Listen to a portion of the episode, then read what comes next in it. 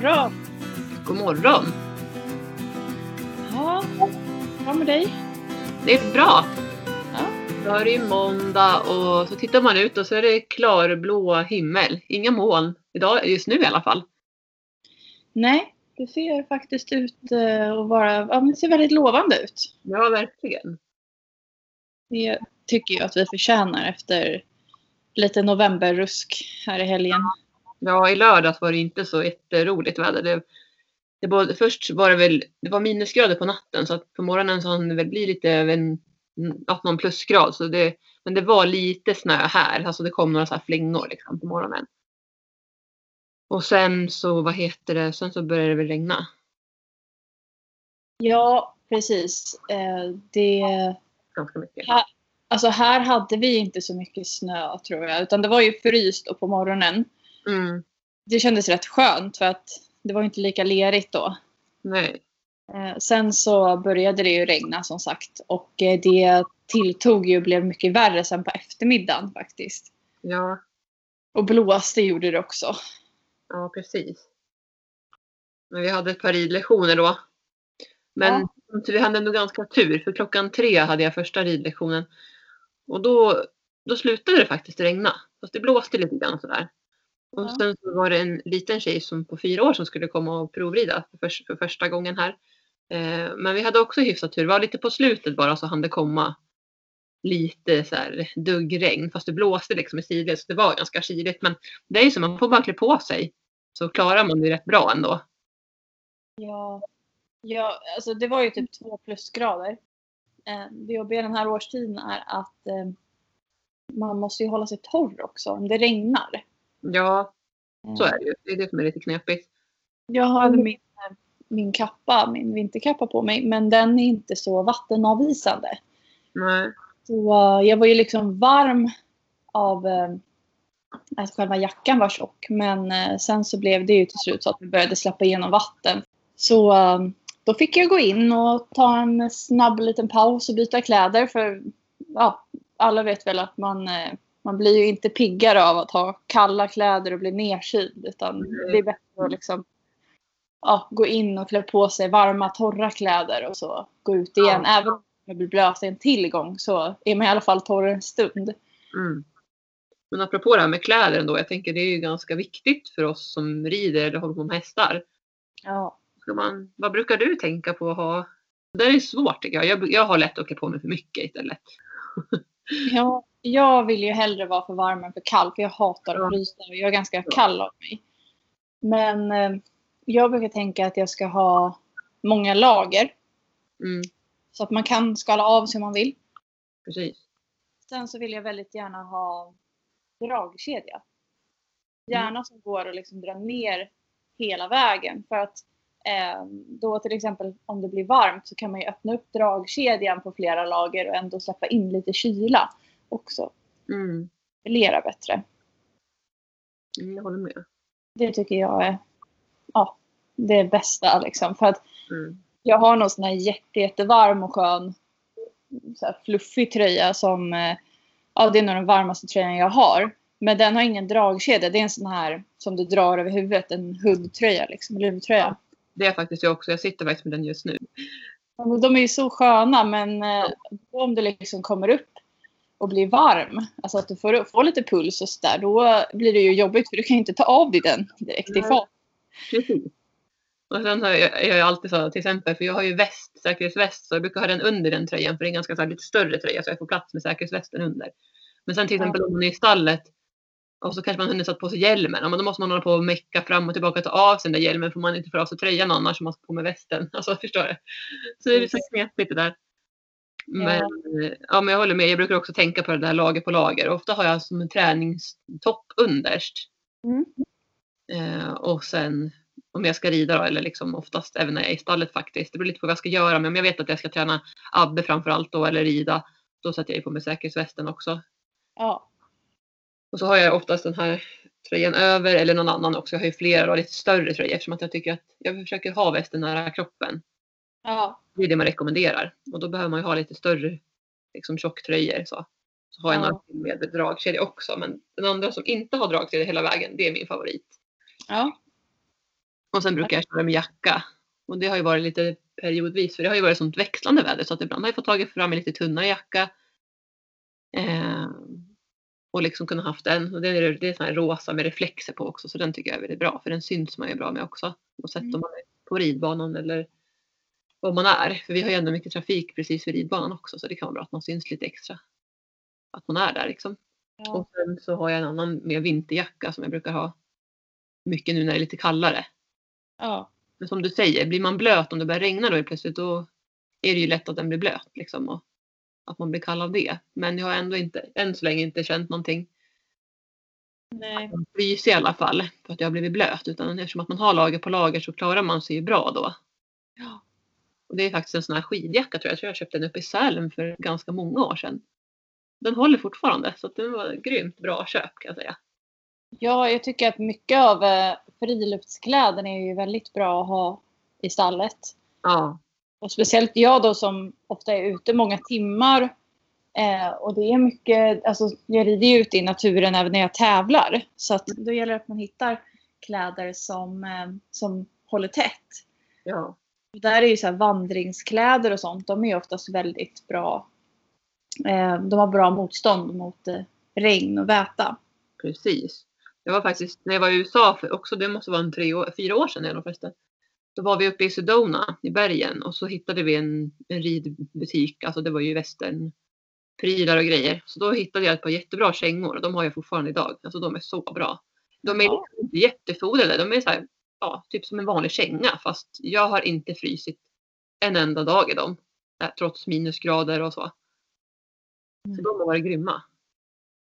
Och de var inte jättedyra heller. För det var ju ganska bra pris då i USA också när, man, när jag köpte dem. Så att, men de har verkligen hållit. Ja, men det, sånt blir man ju så glad för. Ja.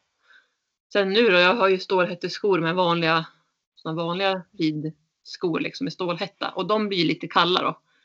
Så att eh, det får jag se hur jag, hur jag gör. Men jag får väl köra mina kängor nu i vinter igen. Utan stålhätta då. Men jag tycker de är så bra för värmens skull. Så mm. kan bli dem. Vad har du för skor och sådär nu när det både regnigt och kallt? Ja, jag kan ju ärligt säga att eh, ända sedan det började bli kanske 6-7 plusgrader så har jag haft mina vinterstövlar. Ja.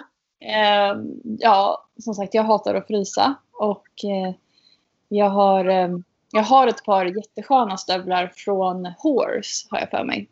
Mm. De var ganska billiga inköp. Jag tror, ja. Alltså det var ju runt tusenlappen eller kanske ett och fem något sånt där. Och de är ändå i läder, eh, läderklädda och sen typ teddyfodrade. Mm. Eh, jag måste ändå säga att de är väldigt prisvärda. För många vinterstövlar eller stövlar generellt är ju väldigt dyra. Ja, så är det ju verkligen.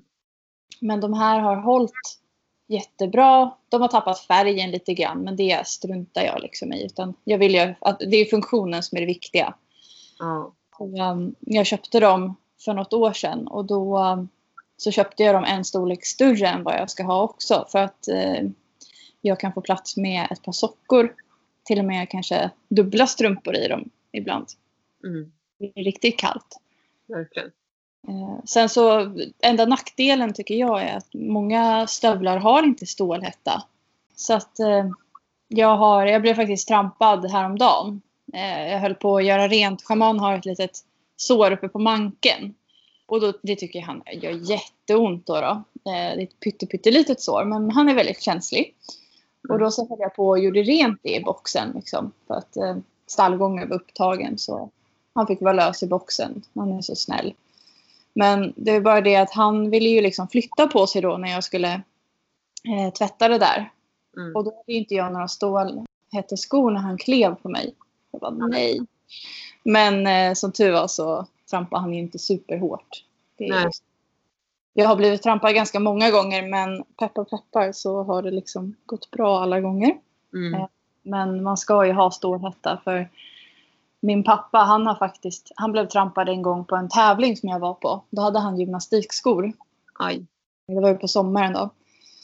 Han hade gymnastikskor och hästen trampade på honom i samma veva som den liksom tryckte av och skulle börja trava iväg. Så mm. den la jättemycket tyngd på honom och hans, eh, stortå blev ju typ helt krossad så han har ju fått operera den och Ja. ja, den har använts som eh, eh, utbildningsmaterial på Vångens eh, hästutbildning för att få eleverna att eh, ha riktiga bra skor i stallen. Ja, ja men gud. Det är Mm, sånt som inte får något gott med sig. Han fick Mm. offra sin tå där. eller hur? Så att, eh, man ska ju faktiskt vara försiktig. Och det finns ju, Ja. det finns ju ganska mycket skor med stålhätta. Även jag tänker så här, arbetsskor Mm. eh, som andas och, och ventilerar bra. Mm. Jag hade jättebra arbetsskor med stålhätta när jag jobbade inom industrin tidigare. För jag jobbade ju som svarvare ett tag efter gymnasiet. Det var, alltså, det var jättebra skor. Alltså det är ett litet dilemma det där. För jag tänker liksom när man är ute på sommaren eller som jag som då är ute och tävlar och det kanske är 30 grader varmt. Någon gång har det varit 32 grader varmt när jag har tävlat. Och då är ju läderkängor, alltså det är fruktansvärt för fötterna. Det blir så varmt. Det blir jättevarmt. Så att då, då har ju jag oftast gymnastik, gymnastikskor på mig. Mm. Men ehm, ja, det är klart, det finns ju liksom nackdelar med det också då. Det gäller ju inte att bli trampad. Verkligen. Men jag håller med. Jag har också kört på gymnastikskor, framförallt sommartid. Jag tycker det är så smidigt. Och när jag hade mycket dagläger och sånt där i somras så ridlektioner liksom. Eh, så ja, det. Och jag känner så här, med Herman och Gingis så känner jag mig ganska trygg. Men jag vet inte om jag talade om det. Det hände en incident här med Abbe. Jag vet inte om jag sa det i podden. Kommer inte ihåg. Men jag jag ledde ju runt honom på ridbanan och då hade jag faktiskt mina stålhättekängor på mig, eller skor. Eh, och vi gick runt där och han var rätt avslappnad tyckte jag. Liksom. Så jag gick där, det var väl någon sekund jag gick och inte fokuserade så mycket på honom. Och då hoppade han till för något och ställde sig med, ja, liksom fot, alltså, med sin hov på mig. Alltså, och det var ju inte då framme på tån utan det var ju på sidan på foten ovanför stålhättan. Så att eh, jag har fortfarande ont och det här är ju säkert det var en tre, fyra veckor sedan nu då. Så om jag sitter liksom skräddare så här med foten ner mot golvet, då gör det ont. Men fy. Ja, så jag har fortfarande ont. Men jag har inga problem när jag går. Men jag kan känna om jag sätter mig i skräddarställning. Då, då känner jag att det, att det fortfarande är ömt. Och tar jag uppe på foten så känner jag att det är, som, det är ömt. Liksom. Så jag vet inte om jag har fått någon liten spricka eller om det är bara för blåmärken brukar jag inte titta i så länge. Jag vet inte riktigt vad som har hänt. Men jag tror inte det är någon fara. Jag tror att det kommer bli bra till slut. Ja, det, alltså, det kan ju bli långdraget med sådana där grejer. Även liksom om man har fått som en blödning liksom i, Mm. i foten. Eller ja, jag slog ju mig med hammaren på ena fingret också. Det var ju flera veckor sedan. Ja, just det. Ja. Nu, nu har jag inte riktigt ont av slaget men jag har ju tappat nageln och så här. Så att Ja. Fint. det har ju ont generellt för att det, ja, det är lite, ja, det behöver läka lite tror jag. Precis, vissa saker tar lite längre tid än andra. Sen hände en annan grej och det var också med gymnastikskor, men det var några år sedan. Då var jag inne i hagen och fodrade hästarna bara och sen Jingi ställde sig på min fot eh, och så puttade jag ju bort honom för han är ändå ganska liten så han kan man ju nästan putta omkull liksom. Alltså man kan ju flytta honom med handkraft. Så han gled ner med sin hov längs min lilltå. Och jag hade gympaskor. Så det var inte skönt. Det, det satt i länge. Så där tror jag också att det blev en spricka. Jag var aldrig inne och kollade från. Och jag googlade också på vad man ska göra. De gör ju ingenting mot tår oftast om det inte är som i din pappas fall, något krossskador och sådär. Men sprickor och sånt där gör man ju ingenting åt, som jag förstått det.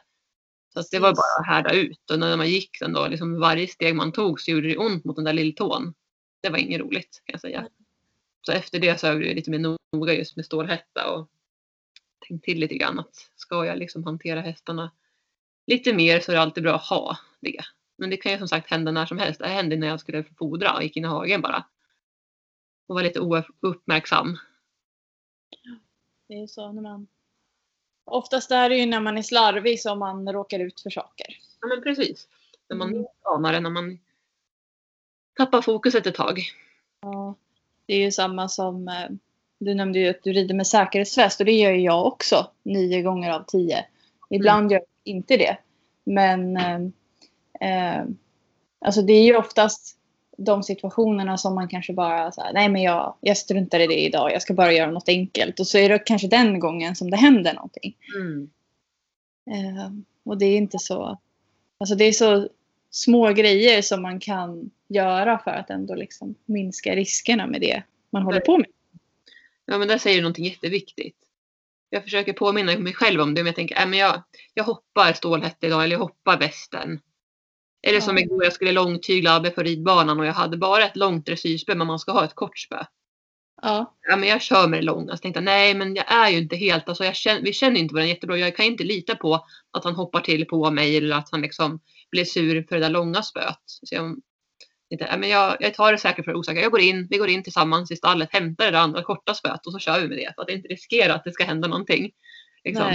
Ibland får man faktiskt bara bita i sura äpplet och göra, liksom göra, göra rätt från början. Exakt. Ja, Det ja, oftast så menar ju inte hästen någonting, någonting dumt eller illa om något händer. Men de är stora och lite klumpiga ibland också. Verkligen. Så är det ju. Och just när de blir rädda och hoppar till för saker, då är de i flykt och då kan de inte riktigt tänka alla gånger på vart de har den. Det är inte alltid. Vi håller vi håller på att träna Rabbe på det, liksom, att han ska vara uppmärksam mot mig. Men i en sån situation så kan ju faktiskt alla hästar eh, göra misstag. Ja, absolut. Mm. Men det här med återigen med kläder, då, hur, hur tänker du med, med ridbyxor och så? Mm. Byxor då? Hur brukar du göra när du rider? Jag har ju väldigt sällan ridbyxor. När jag, när jag har ridbyxor då tycker jag att jag är uppklädd. Ja. Då känner jag mig lite fin faktiskt. Ehm, nej men jag har ju, eh, mina favoritbyxor just nu det är ett par ridtights från Vision Design. VD Design. Eh, Ett svenskt företag har tagit fram dem. Mm. Och de är så sköna alltså. De är så... De sitter liksom eh, slimmade och de har lite grepp vid knäna. Men samtidigt så är de så stretchiga och det är så lätt att röra sig i dem. Man känner sig liksom... Ja, som, alltså man känner sig så fri i dem. Jag, tycker att många andra såna här tajta byxor kan, kan man känna sig lite begränsad i. Ja. Eh, De tycker jag verkligen jättemycket om. Och jag har faktiskt använt dem även när det har varit kallt. Eh, De är, de är ju inte fodrade men jag har en lång kappa som jag kan ha ner över låren så att då funkar det. ja. Annars så har jag ofta eh, vanliga löpartights eftersom jag gillar att ha det när jag tävlar. Jag vill inte ha för mycket grepp då för det blir väldigt jobbigt när man rider långt. Mm. Eh, sen kan jag väl, om jag åker iväg och hoppar eller rider dressyrlektion eller så, då klär jag upp mig. Eller då tar jag på mig byxor liksom och Mm. passar på. Har du bra fodrade ridbyxor då som du använder om det är riktigt kallt och så? Eh, Jag har ett par flisfodrade ridbyxor. Mm. De är, de är jättesköna för att de är flisfodrade. Sen är de liksom verkligen inte märkvärdiga i övrigt. Det ser ut som ett par så här jättebilliga ridbyxor som man bara drar på sig. Det är ingen direkt skoning eller någonting. Men just att det är flisfoder gör ju att man får ju så mycket... Ja, det blir mycket skönare när det är kallt ute. Ja, men det kan jag tänka mig är skillnad. Jag har Ja, alltså- inte några sådana. Jag kör mycket tights och vanliga Ja. byxor liksom. Sen eh, på vintern när det är minusgrader då brukar jag ha overall från Höök. Ja. Den har jag haft i många år kan jag säga. Så skön. Jag har aldrig frysit i den någon gång. Nej, vad skönt. Jag har också ett par eh, ridbyxor från Horse har jag för mig som är i... Det är någon form, alltså de ser ut som det som att de är i skinn eller läder. Ja, de har jag sett någon gång tror jag. Ja, precis. Det är som eh, vattenavvisande material nästan. Så att de är lite fodrade inuti också. De är jättesmidiga eftersom att de är lite vattenavvisande. Då blir man inte blöt. Och sen eh, blir man smutsig eller lerig på dem så kan man bara torka av det med en fuktig tvättsvamp eller någonting. Så ser de rena ut. Så det är himla praktiskt. Just det, det är jättesmart. Ja. Ja, Mm. nej, det är varmt kan vi ju säga när, nu när vi börjar gå mot vinter. Och på sommaren är det tvärtom. Då får man försöka tänka så lite som möjligt. Men ändå liksom att man är skyddad mot solen och så vidare. Ja. Och om man trillar av så är det klart att ju lite mer kläder skyddar ju också. ja, det gör ju det. Mm. Man får eh, klä sig efter vädret så gott man kan. Man har liksom två olika garderober nästan. Mm. Så är det verkligen. Ja, men eh, hur har vecka varit då? Ja, men den har varit fullspäckad. Som eh, många gånger. som oftast i alla fall. det har varit en bra vecka. Jag, eh, jag har ridit på Abbe. Det blev tre dagar i rad. Första dagen tror jag ridde jag på banan. Sen så var det väl då på tisdagen när vi poddade sist. Då skulle jag ju ut med min medryttare och rida. Okej. Okay. Rida på Herman och jag på Abbe då. Ja. Eh, så vi skulle rida ut. Så att vi ridde ut då. Eh, alltså första gången så lite längre sväng. Gjorde vi. Och det gick jättebra. Ja, det var, det var supercool. Vi hade några skogsstigar också som vi kunde rida på. Eh, så det gjorde vi och då, det var första gången jag red skogen. Han brukar ju annars, alltså jag har ju lett honom en gång i somras i skogen.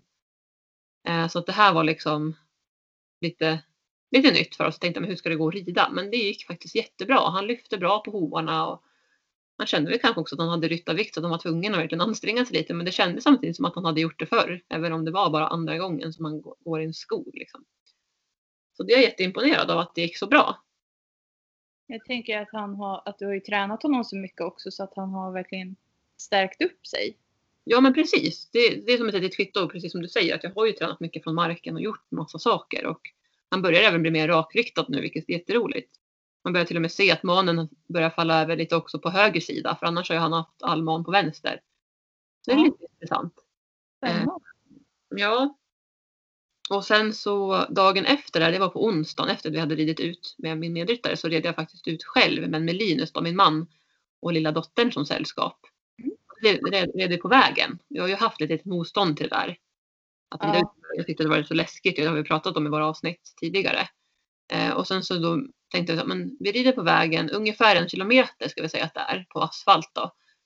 70-väg. Eh, och sen så är det en grusväg upp så att man kommer upp till ett ställe som heter Bergstorp och där finns det ett ridhus som jag har haft ridhuskort i väldigt mycket tidigare.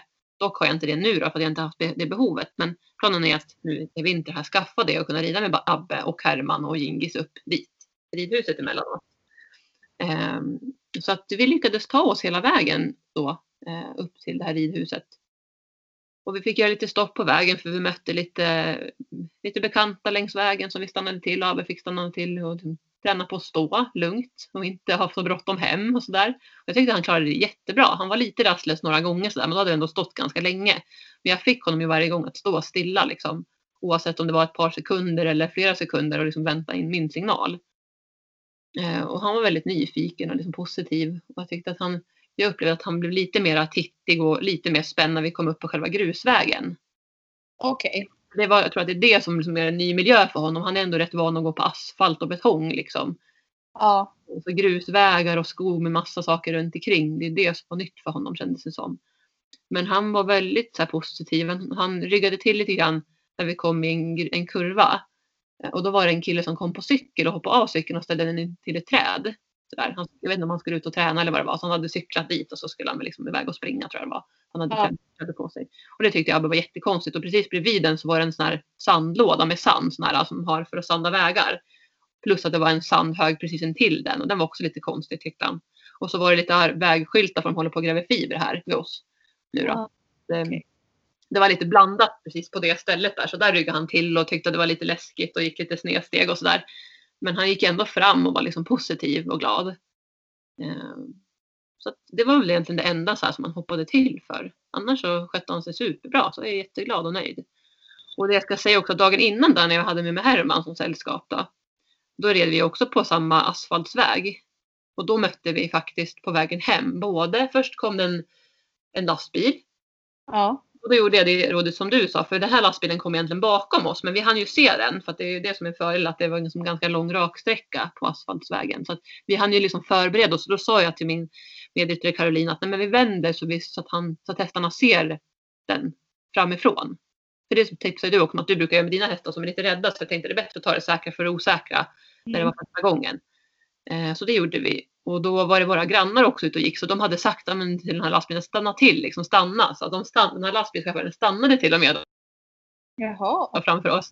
Men då nej men då ska vi liksom gå sakta förbi henne. Så jag tänkte det är bättre att han kör lite försiktigt för jag kände att Abbe han var liksom cool där och då. Ja. Så då vinkade vi fram dem och sa att nej, men det är bättre att han kör. Säg att han startar igen och kör förbi. Ja men då gjorde han det. Och det gick jättebra. Abbe han tittade lite grann så här, höjde lite på huvudet och så men han gick jättefint förbi. Och så kunde vi pusta ut både jag och Caroline och liksom jag berömde och pratade med honom lugnande och sådär. Eh, och, ja, så det var jätteskönt. Så vände vi och fortsatte tillbaka. Så kom det en personbil. gick jättebra. Så kom det en motorcykel. Ganska puttrande sådan också. Jag hade precis pratat om det. Att om det är någonting som Herman kan tycka är jobbigt så är det motorcyklar. Sån här Harley Davidson som puttrar förbi. Det är liksom, för de låter ju väldigt mycket. Eh, det här var lite sån modell men han eh, saktade förstås ner då tack och lov. Så att eh, han bara liksom gled förbi där. Och det var inga problem för någon av hästarna. Så det var också jätteskönt. Men efter det då kom det en grävmaskin. Nämen. Så jag bara, vi tar, det lika ta- vi tar allting på en gång sa jag. Ja. Eh, alltså det kom en grävmaskin och den saktade också ner och den körde väldigt sakta förbi liksom. Så att det var nästan så att då han Abbe bli lite stressad av det. Och jag tror Okej. att anledningen att han stressade upp sig det var väl också att han såg den här höga armen från gräv för grävskopan som gick upp liksom. Så att han kände väl att det kom en stor dinosaurie ungefär. Men liksom, det blev väldigt stort så här. Eh, och ändå hade han ganska precis haft grävmaskinen till hagen också i och med att vi håller på att bygga för vindskydd ju. Just det. Så att det var väl den han tyckte var lite läskig då. Eh, Ja. Men som sagt, han gled ju väldigt sakta, han körde jättesakta förbi oss. Jag tror att det var det som gjorde att han blev lite stressad. Och jag bromsade också, så där får man ju tänka lite själv också hur man gör. För jag har nog alltid gjort så att när det kommer trafik så vill jag gärna korta upp tiderna lite mer för att och sen putta in dem lite mer mot, mot diket till mot staketet så att de inte svänger ut med rumpan i vägen. Nej. Och det kanske inte han är så van vid att, att man gör. Så eh, det kändes som att han började nästan köra lite piaff där på stället och Okej. hålla på. Eh, men som sagt, så fort de hade kört förbi, liksom, han såg grävmaskinen lite mer framför sig, så då lugnade han ner sig igen och kunde skritta på som vanligt. Ja. Så det var verkligen så här, vi tog alla, stor, i stort sett alla fordon man kan tänka sig då, på den ridturen. Och det är väl också det som gjorde att jag kände mig lite lugnare sen dagen efter att rida ut med Abbe utan sällskap. Ja. Men det enda jag tänkte då var ju bara att men hur kommer det här gå nu när han inte har Herman med sig? Men det var verkligen heller inga problem. Så det känns som att vi får bara fortsätta nöta på och så får man vara försiktig, tänka på säkerheten och tänka att bara för att det går bra, gick bra de här gångerna så behöver det inte göra det de andra gångerna. Men jag har ändå förutsättningarna för att han ska kunna bli helt trafiksäker. Ja, gud ja. Han verkar ju vara jätteduktig. Han är så ung också. Det får man ju säga. Han är ju faktiskt bara fem och det är ändå en ny miljö för honom här hos oss. Och det var ju första gången när vi red upp rid, till ridhuset, det var ju första gången han gick på den vägen också. Så jag tycker att han var jätteduktig. Så får vi ju se här framöver hur, hur det fortsätter. Men eh, vi har i alla fall en bra grund att stå på känner jag. Ja, det har ni absolut. Ja, hur har det gått för dig? Vad har du gjort i veckan då? Eh, Jag har fokuserat väldigt mycket på mina olika eh, provridningar som jag nämnde förra veckan i podden. Just det. Jag hade, jag hade bokat in sju stycken, jag för mig att det var. Ja, Och i alla fall sex stycken av dem blev av. Det var en som tyvärr behövde ställa in och jag vet inte om vi ska boka om eller hur vi ska göra. Det får vi se lite. Det hänger i luften just nu. mm. Men ehm, de andra har i alla fall varit ute och provridit. Och det känns som att veckan har gått så otroligt snabbt. Alltså. Det, ehm, ja, det har liksom bara gått i ett hela dagarna. ja. Så um, jag, hade ju, jag hade ju haft två stycken som provred då eh, innan vi poddade. Eller tre stycken till och med. Det var en på helgen där också. Sen så um, hade jag en som provred samma dag som vi poddade i tisdags förra veckan. Och uh, sen var det en som kom på onsdagen. Och så kom det, nu ska vi se, en på lördagen.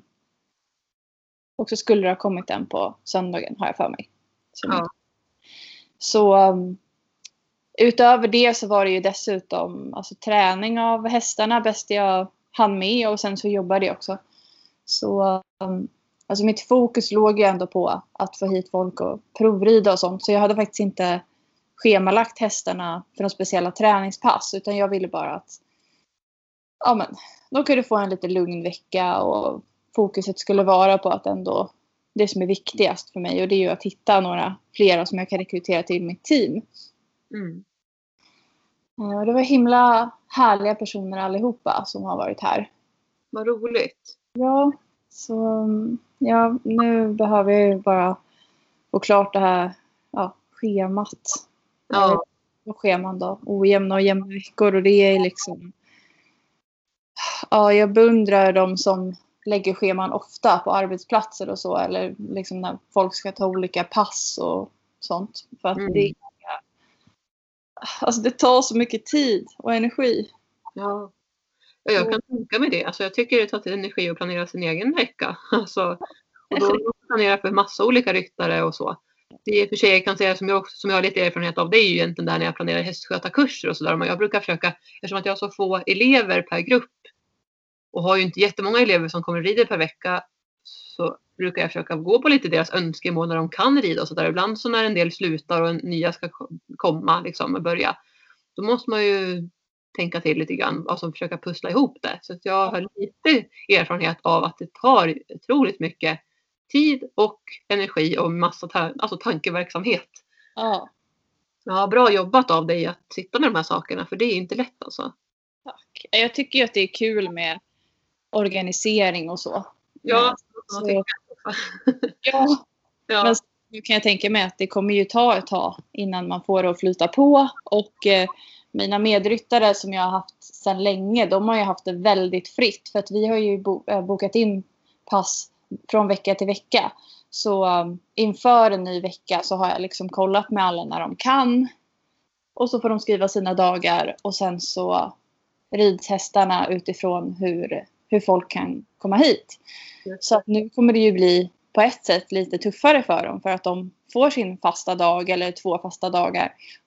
Och då behöver de ju verkligen ta ansvar för att eh, försöka komma hit då.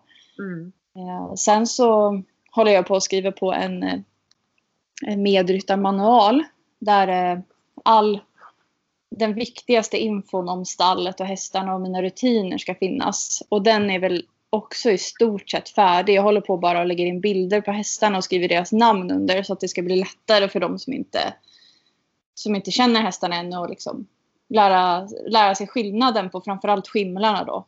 ja, de är ju lika många av dem. Precis. Men eh, den manualen är ju just nu ja, men typ fyra och en halv, fem A4 sidor som jag har skrivit. Mm. Så jag tror att jag har fått med det mesta i den och där står det liksom information om då ifall man inte kan komma en dag som man är planerad. Att man ska försöka informera så fort som möjligt och att man får diskutera med mig möjligheten liksom till att rida igen då en annan dag till exempel. Eh, och sen är ju det knepiga också att hästarna så småningom börjar ju de tävlas och eh, kanske gå lite mera ridläger och sånt också. Och då blir det ju annat att ta hänsyn till. Med, att, alltså det är ju verksamhetshästar så att de måste ju i första hand gå på sådana bokningar om de blir bokade. Just det. Eh, Så ja, vi får, vi får se. Vi, jag tänker att man kör ett schema nu under vintern och sen så får man ta en utvärdering framåt våren kanske när det börjar bli närma sig tävlingssäsongen för att då behöver jag ju ändra lite i deras träningsupplägg också. Mm. Och så får vi se hur allt funkar. Men jag tror att det kommer bli jättebra när eh, alla kommer in i de nya rutinerna och um, ja, allt flyter på. Det tror jag också. Eh, Det kommer ju säkert bli mindre jobb för mig i alla fall. Att jag vet att de, ja, den här personen kommer på onsdagar och den här personen kommer på torsdagar. Så att jag inte behöver eh, skriva upp det vecka för vecka i min egen kalender. Utan att jag liksom har det på ett papper. Ett Mm. schema som alla har då. Så kan jag kolla bara. Det låter jättebra. Det kommer ju underlätta. Ja, det kommer göra det. Som du säger, det tar ju ett tag. Man får ändå ha lite is i magen och tänka att det tar ett litet tag innan, som du säger, rutinerna sitter på plats. Och den här manualen du har skrivit innan alla förstår, alltså vet hur den funkar och har koll på vad som gäller och allting sånt. Då. Ja. Sen att folk, eh, att folk förstår att det är... Alltså är man schemalagd på... Har man sagt att man kan komma då, vi säger måndag, onsdag, fredag och att man kan rida två hästar alla dagarna. Då, då blir man ju schemalagd för det. Och då kan man ju inte hålla på och byta fram och tillbaka från vecka till vecka. Utan då är det ju bättre att säga nej men jag kan bara ta två dagar och en häst ena dagen och två den andra. Så att, alltså, så att det inte blir rätt i schemat. För att det, är- det är det som är lite knepigt. Om Mm. folk tror att de liksom kan lova jättemycket och sen bara nej men oj jag måste ju göra det här idag istället. Det, det här blir ju mer som ett jobb nästan. En arbetsplats. Mm. Eh, ja, för hästarnas skull också att de får bättre rutiner och mer regelmässig träning. Mm.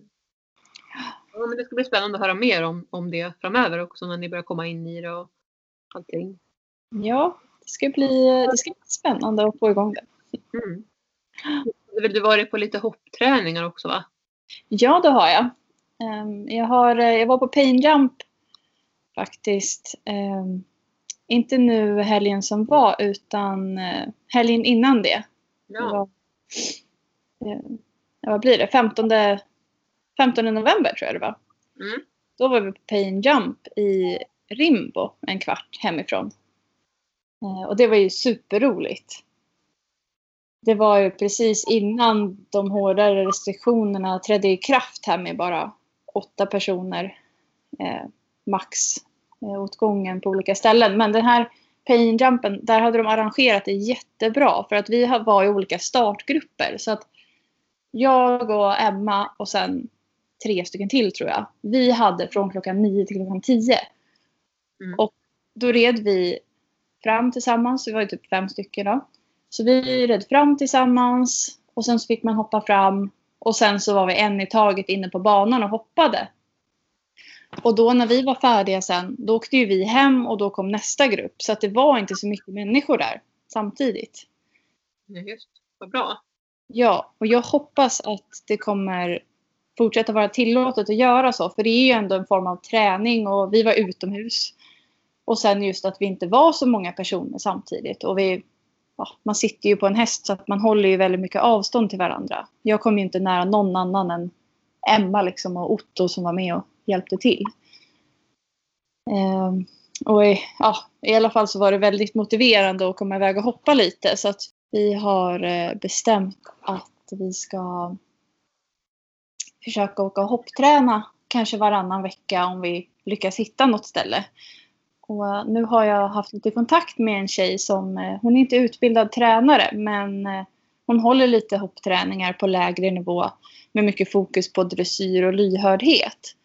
Mm, Så, ja, ska- vi ska prova att träna för henne och se hur det funkar. Och så kanske det blir en rutin också. Att vi åker iväg varannan vecka eller något sånt. Nu under den här tiden på året i alla fall. Just det. Ja. Ja, det händer massa saker.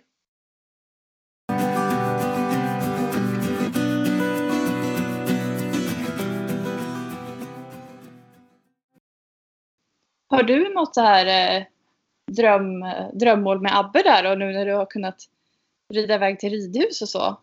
Ja, men jag har ju det. Alltså, jag vill ju kunna rida ut mycket så där i skogen och ut i naturen. Och sen vill jag ju kunna rida upp till det här ridhuset i vinter och träna där de dagar det är kanske lite isigt och svårt och liksom kunna ju få, få utlopp för hans energi. För våran ridbana kommer ju förmodligen frysa och bli isig kanske. Ja, vi får se lite grann hur vädret blir och när det fryser på. Nu säger de att det ska regna lite igen här den här veckan, att det till helgen igen ska bli kallt och sen ser det ju ut vad jag kan se på väderprognosen i alla fall som att det kommer lite kallare temperaturer här framöver.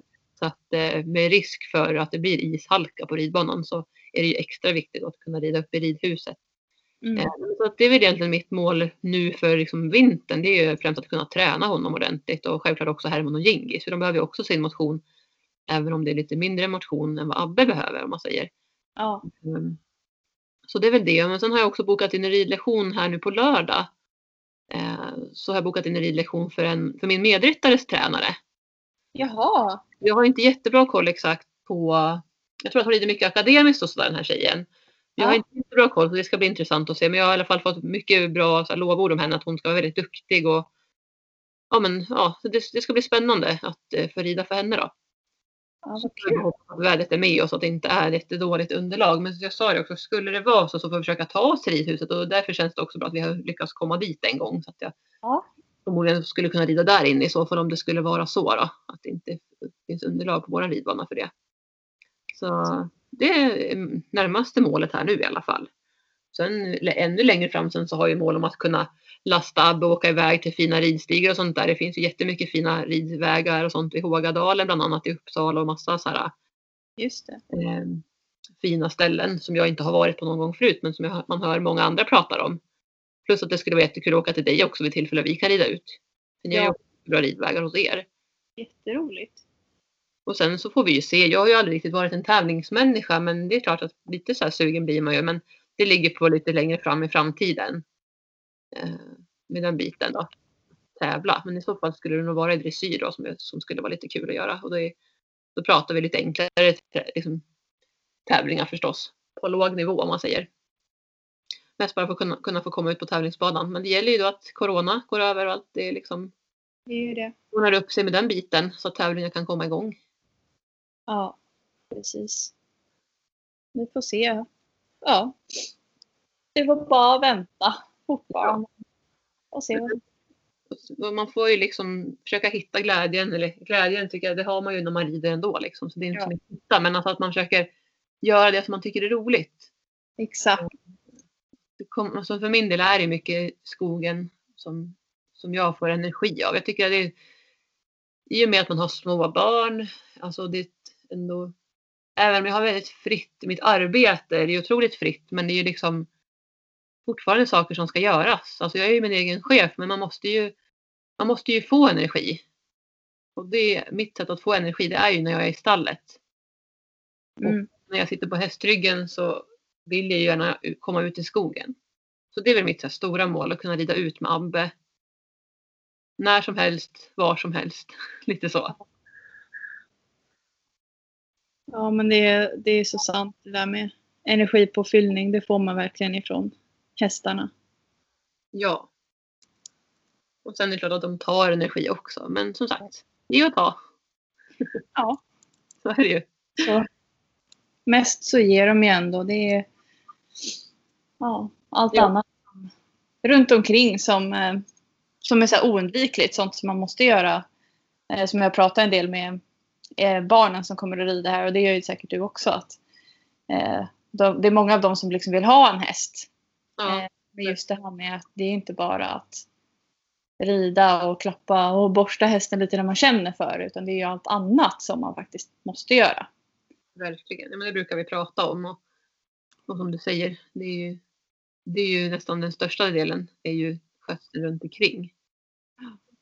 Och det är ju samma sak när vi ska ha, när jag har hästskötarkurser och ridlektioner liksom, så är det ju en del som tycker, ja men nu är jag färdig och sen så ska man kolla då liksom, så, nej här har du missat under magen, här ska sadeljorden vara, det är så här superviktigt liksom att det är rent där och inte skavsår. Så Det är mycket, alltså det, man har ridit så länge som både du och jag har gjort och säkert många som lyssnar på vårat avsnitt eller våran, av, våran podd så är det ju alltså, ja det är ju det är så självklart liksom att Ja. man gör bara saker i farten men för en person som är nybörjare eller som inte har ridit så länge så är det, det är verkligen supermycket att lära sig när det gäller hästar. ja, det är det. Det är lätt att tro när man är ny att men det är det här och det här bara, det är inte så mycket liksom. Utan, men därför tycker jag att det är så viktigt att de får se och det är därför jag också har mina hästskötarkurser för att det är ju liksom grunden. Ja, Allting egentligen kommer ju före ridningen. Faktiskt. det gör ju det. Det är liksom så här lite pricken över i kan man väl nästan säga. Verkligen. Man får, eh, ja, man får eh, vara glad för det man, det man får. Man får ju ändå så mycket. Verkligen.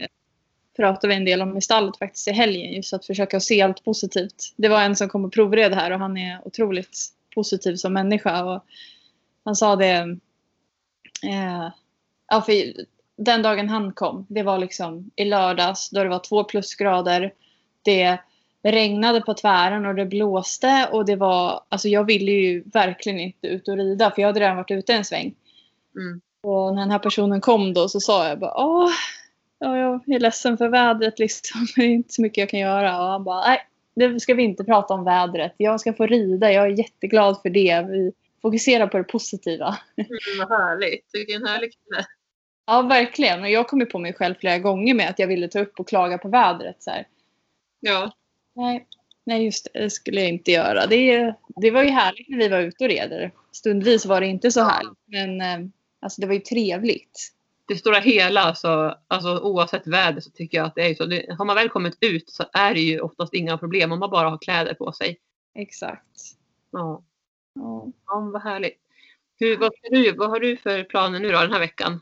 Mm, Ja, ehm, ja, det blir faktiskt ganska lugnt den här veckan också. Jag har inte orkat att liksom planera in jättemånga pass på hästarna och så utan jag, jag har, Bullen ska till tandläkaren. Det är en sak jag behöver fokusera på. Och sen så, sen så eh, tänker jag att jag, ja, hästarna kanske får gå lite färre pass än vanligt. Kanske tre pass i alla fall per häst Ja.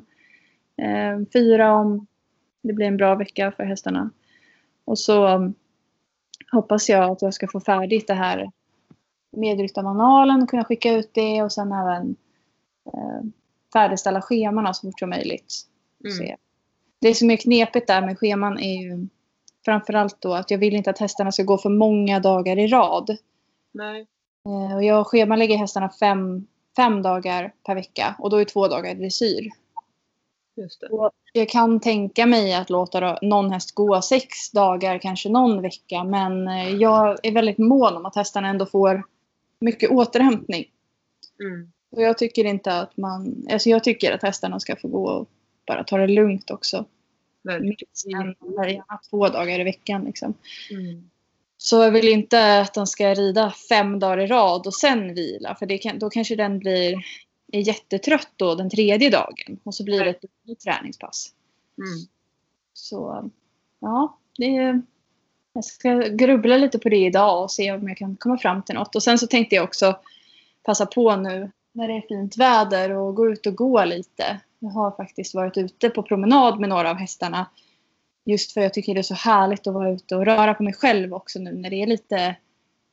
Jag vet inte, jag gillar den här kalla luften när man rör på sig. För då, då är man ju varm ändå och så känner man den här kalla luften i ansiktet. Och jag tycker man blir väldigt vaken av det. Mm. Både och. Det är härligt med promenader. Det, det kan vara lite underskattat ibland. Verkligen, jag håller med. Jättebra liksom att ta en promenad med sin häst. Det är ju Ja. hur bra som helst för båda. Ja, jag går ju mycket. Vi har ju asfalt här runt omkring och jag tänker det är väldigt stärkande för benen på hästen också. Så att det blir ju inte bara att den, ja, att det är jag som motionerar utan hästen får ju faktiskt en form av träningseffekt också av Ja. underlaget. Det är jättebra. Och att de bara rör på sig. För jag försöker vara ganska noga med Herman att han ändå ska röra lite på sig. Det blir ju inte varje dag liksom men alltså nu den här veckan vet jag, då har jag fem pass inplanerat med Herman. Mm. Och det är ridlektioner och hästskötarkurser och sådär. Och sen så kör jag någon sån här långtygling också tänkte jag göra med honom. Han, det är bra för hans leder och sådär med lite artros som vi har hittat att han har. Så det är bra att han rör sig. För Ja. det blir mycket stillastående hagen också när det är lerigt och sådär. Ja, Gör de inte så mycket. Och sen har de stått inne på box också en del i och med att det har regnat så mycket och sådär.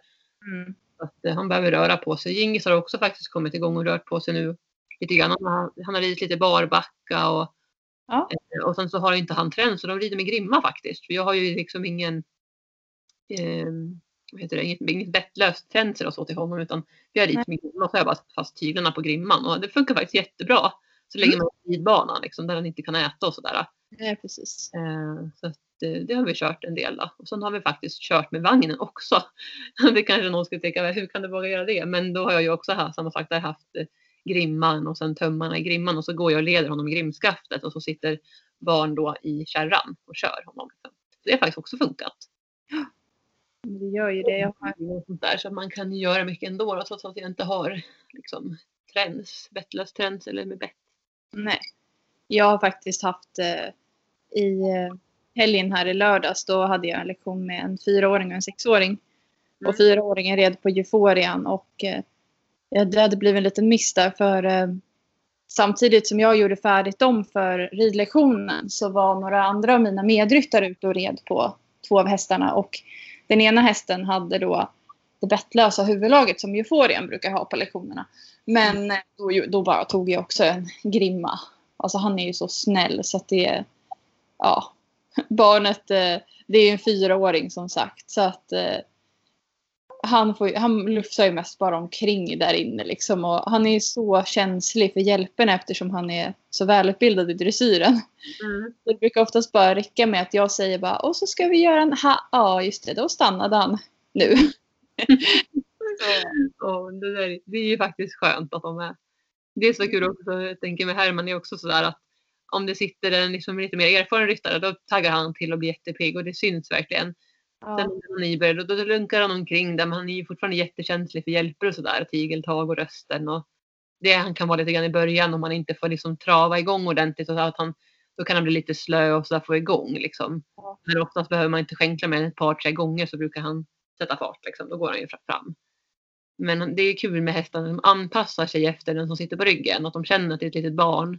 Nybörjare liksom. Så bara lunkar de omkring där. Och, Ja. Och det var som här när vi hade den här ridlektionen med den här fyraåriga tjejen då när det, när det regn, på slutet regnade lite grann och blåste. Ja. Det var inte alls speciellt trevligt och det var faktiskt också blött på ridbanan. Och han bara liksom lunkade omkring där och brydde sig inte alls om att det blåste och regnade. Nej, det är härligt. Det var man verkligen. Ja, men de är så fina hästarna. Ja, De är så ärliga och vänliga. verkligen så. Ska man se upp till. Ska vi säga så då för den här veckan? Ja, det tycker jag. Får vi, får vi eh, hoppas att eh, alla får en, en fin eh, helg nu när, ni, när det här avsnittet släpps. Ja, och det är ju faktiskt första advent på söndag. Just det. Så det går framåt. Det närmar sig december månad och jul snart. Ja. Ja, men då får vi ju verkligen önska en fin första advent. Och eh, jag tror inte att det är så många av er som lyssnar som kommer ha snö. Men eh, vi kan ju hoppas att ni i alla fall får det lite mysigt med kanske en adventsljusstake och lite julstämning. Kanske att man har bakat någon lussebullar eller någonting. Ja. Jag är lite sugen på att göra det här i veckan. Åh, vad härligt. Jag kollade bilder från förra året. Då hade jag bakat lussebullar redan 9 november och de hade vi käkat upp till så vid hade vi väl någon kvar. Så den, den, vad var det, 14 december då hade jag bakat en ny sats som skulle räcka till jul. Ja, det är... Ja, men nej, jag har ju helt... Alltså, jag måste ju också göra julfint. Liksom. Det, Ja. Men det känns inte som att det är på väg mot jul. Så att jag har inte ens tänkt den tanken. Nej, Jag tycker november har gått så himla fort. Annars brukar det vara en ganska så lite dyster månad. Den har gått himla snabbt tycker jag. Mm. Jag håller med. Ja. Ja, men Ja. ja. Fin vecka och en fin första advent då allihopa. ja, ha det så jättebra. Kram kram! Kram, kram. Hej då! Hej då!